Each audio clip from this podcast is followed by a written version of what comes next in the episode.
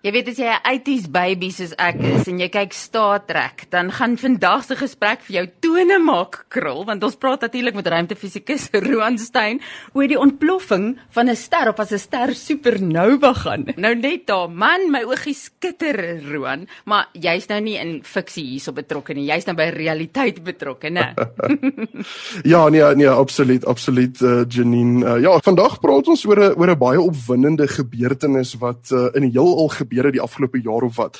En is baie interessant. So die so die agtergrond is is as volg. In in Januarie van 2018 het 'n uh, amateur astronoom 'n baie spesifieke deel in die hemelruim dopgehou met sy teleskoop. En hy was besig om na 'n sterrestelsel te kyk uh, met 'n baie onverbeeldingsryke naam van NGC 2525 wat ongeveer 70 miljoen ligjare ver is van die aarde af. Nou hy het baie vinnig agtergekom hierdie sterrestelsel lyk nie soos die tiental tientalle kere wat hy hierdie gebied al waargeneem het nie omdat die stelsel heelwat helderder vertoon het as in die verlede. En hy besef toe dadelik dat iets is anders uh, is besig om aan die gebeur te raak en hulle hy volg toe die regte prosesse om NASA te laat weet dat hulle moet dalk 'n bietjie in hierdie rigting kyk. Nou die wetenskaplikes by NASA oorweeg toe die opsie en daar was gelukkig genoegsame bewyse om dit te regverdig om die Hubble ruimteteleskoop in die rigting van hierdie sterrestelsel te mik. Nou die Hubble ruimteteleskoop is 'n onsaglike kragtige teleskoop wat in die ruimte om die aarde wentel wat uh, beter die heelal kan waarneem en fotos neem as enige ander teleskoop op die aarde want uh, natuurlik die rede elke teleskoop op die aarde moet eers deur die atmosfeer van die aarde kyk en dit besoedel en verswak die beelde geweldig baie. Nou nie te min NASA het toe die Hubble ruimteteleskoop na daardie sterrestelsel toe gemik en dadelik besef dit was die regte ding om te doen. Die sterrestelsel uh, wat ons nou hiervan praat, is 'n spiraalgalaksie of sterrestelsel, baie soortgelyk maar 'n bietjie kleiner as ons eie Melkweg. En die een van die arms van die spirale, redelik naby aan die punt van een van die arms, is daar 'n ster, en weer eens met 'n baie onverbeeldingsryke naam van SN 2018GV wat besig was om supernova te gaan. Nou Janine, ons het al hier gesels oor die lewensiklus van 'n ster en 'n supernova is die naam van die proses wanneer 'n ster ontplof aan die einde van sy lewensyd. En die ontploffing is awesome rowend mooi. Basies wat gebeur is die volgende. Hierdie spesifieke ster was deel van 'n binêre stelsel. Dit wil sê dit is twee sterre wat om mekaar wentel uh, en die een het die ander een begin insuig as dit ware deur middel van 'n aanwasskyf of accretion disk soos mense dit in Engels sê. Nou die een ster word dan nou al hoe groter en groter en bereik 'n kritieke massa wat presies 1.4 keer die massa is van ons eie son.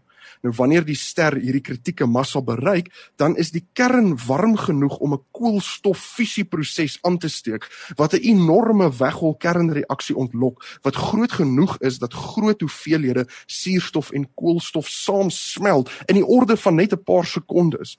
En die hoeveelheid energie wat hierdie proses genereer is genoeg om die hele ster uitmekaar uit te skeur in 'n geweldige ontploffing wat al die ster se meteoriet teen amper 6% die spoed van lig die hemelruim laat inskiet en dan natuurlik ook 'n enorme hoeveelheid bestraling uitstraal. Nou dit is wat ons 'n supernova noem. Nou tussen teoretiese berekeninge en eksperimentele waarnemings weet ons dat die piek of tophelderheid van hierdie proses is gelyk aan die helderheid van 5 biljoen sonne. Nou wow. nadat die piek bereik is, verdof die supernova oor 'n tydperk. En hierdie proses is afgeneem vir die betrokke ster. Nou soos ek genoem het, dit neem net 'n paar sekondes vir die ster om te ontplof en sy piekhelderheid te bereik en dan neem dit 'n jaar of 2 om weer te verdof. Maar die feit dat wetenskaplikes die beste teleskoop tot ons beskikking in die rigting van die ster kon wys om hierdie verheldering te sien en die verdowing die afgelope 2 jaar is absoluut uitstekend. En 'n mens weet nooit presies wanneer 'n ster supernova gaan word nie. So ons weet nie waar presies om te kyk nie. Maar soos in hierdie geval, hierdie wetenskaplikes net op die regte tyd gekyk. En daar is heelwat aspekte wat hierdie waarneming so uniek maak. Eerstens, dit het alles begin met 'n amateur astronoom wat eintlik maar net die hemelruim dopgehou het met sy teleskoop. En Janine, jy sal verbaas wees hoeveel amateur astronome het al goed ontdek en waargeneem in die hemelruim. En dit wys net jy is nooit te klein of te onbelangrik om 'n enorme bydrae te lewer tot die wetenskap nie. Hmm. En tweedens, statisties gesproke, moet dit amper onmoontlik wees om 'n supernova te vang om waar te neem. En derdens, Die wetenskap wat ons uit hierdie waarneming gekry het en soos hulle in Engels sê is priceless van onskatbare waarde. En hoekom is dit so? Want omdat omdat die piekhelderheid van die supernova konstant is, en ons weet dit moet 5 biljoen sonne wees, is dit 'n baie handige maatstaf wat amper as dit ware dien as 'n kosmiese maatband.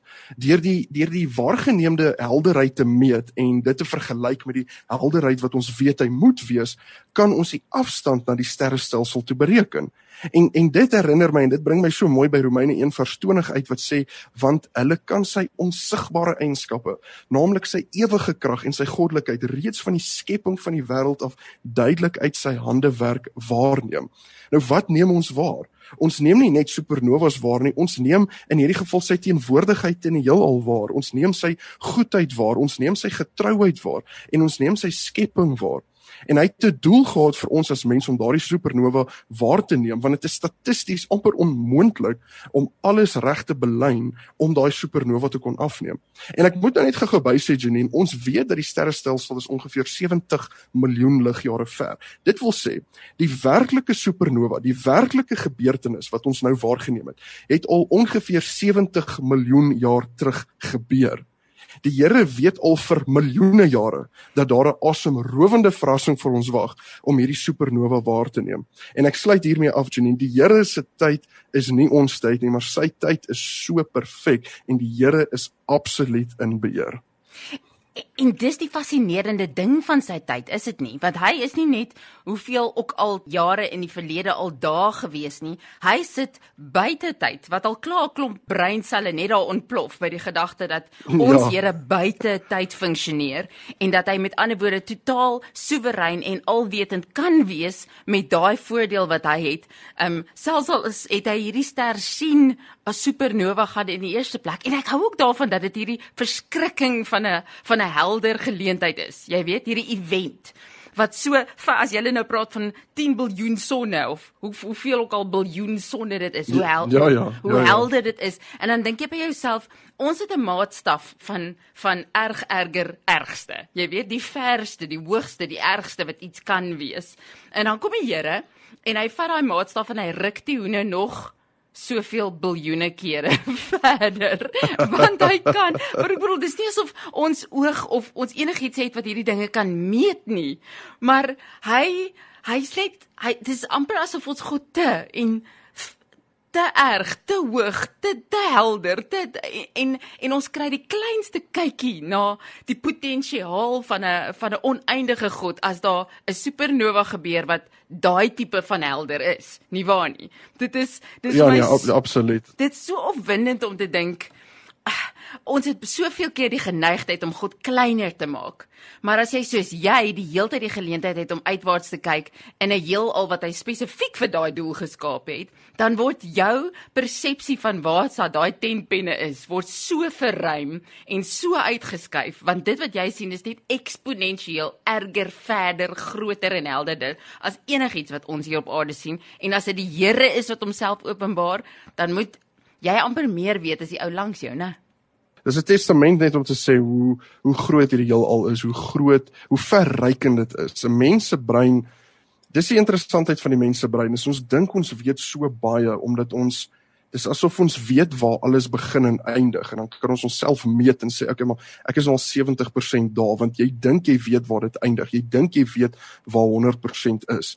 Maar dan sien jy hierdie tipe dinge en dan dan besef jy net dat daar is nie 100% nie. Daar is nie jy weet nie waar die eindstreep is nie. Jy het nie 'n idee. Jy as mens het eintlik nie 'n idee hoe groot hierdie heelal is en hoe verrykend dit is en hoe 'n mens as 'n ruimtewetenskaplike eintlik net die Here se handtekening oral sien. Ag, as ek as ek een ding wegvat van hierdie ding wat jy vandag vir ons gewys het, is dit daar is meer. Daar is o, daar is soveel meer as wat mens ooit kan dink. Dankie. Dankie vir jou Romeine 21. Ek geniet jou insette elke keer so baie. So as mense nou wil meer sien, want jy gaan nou vir ons natuurlik iewers moet wys hoe hierdie ding lyk. Waartoe gaan hulle? Ja, so ek gaan vir jou sommer 'n YouTube link stuur uh, wat ons dan met die luisteraars kan deel want uh, NASA het 'n onsaglike mooi 'n uh, video uh, bekend gestel waar hulle die video wys waar jy kan sien hoe hierdie ster supernova gaan. Dit is absoluut asemrowend. Awesome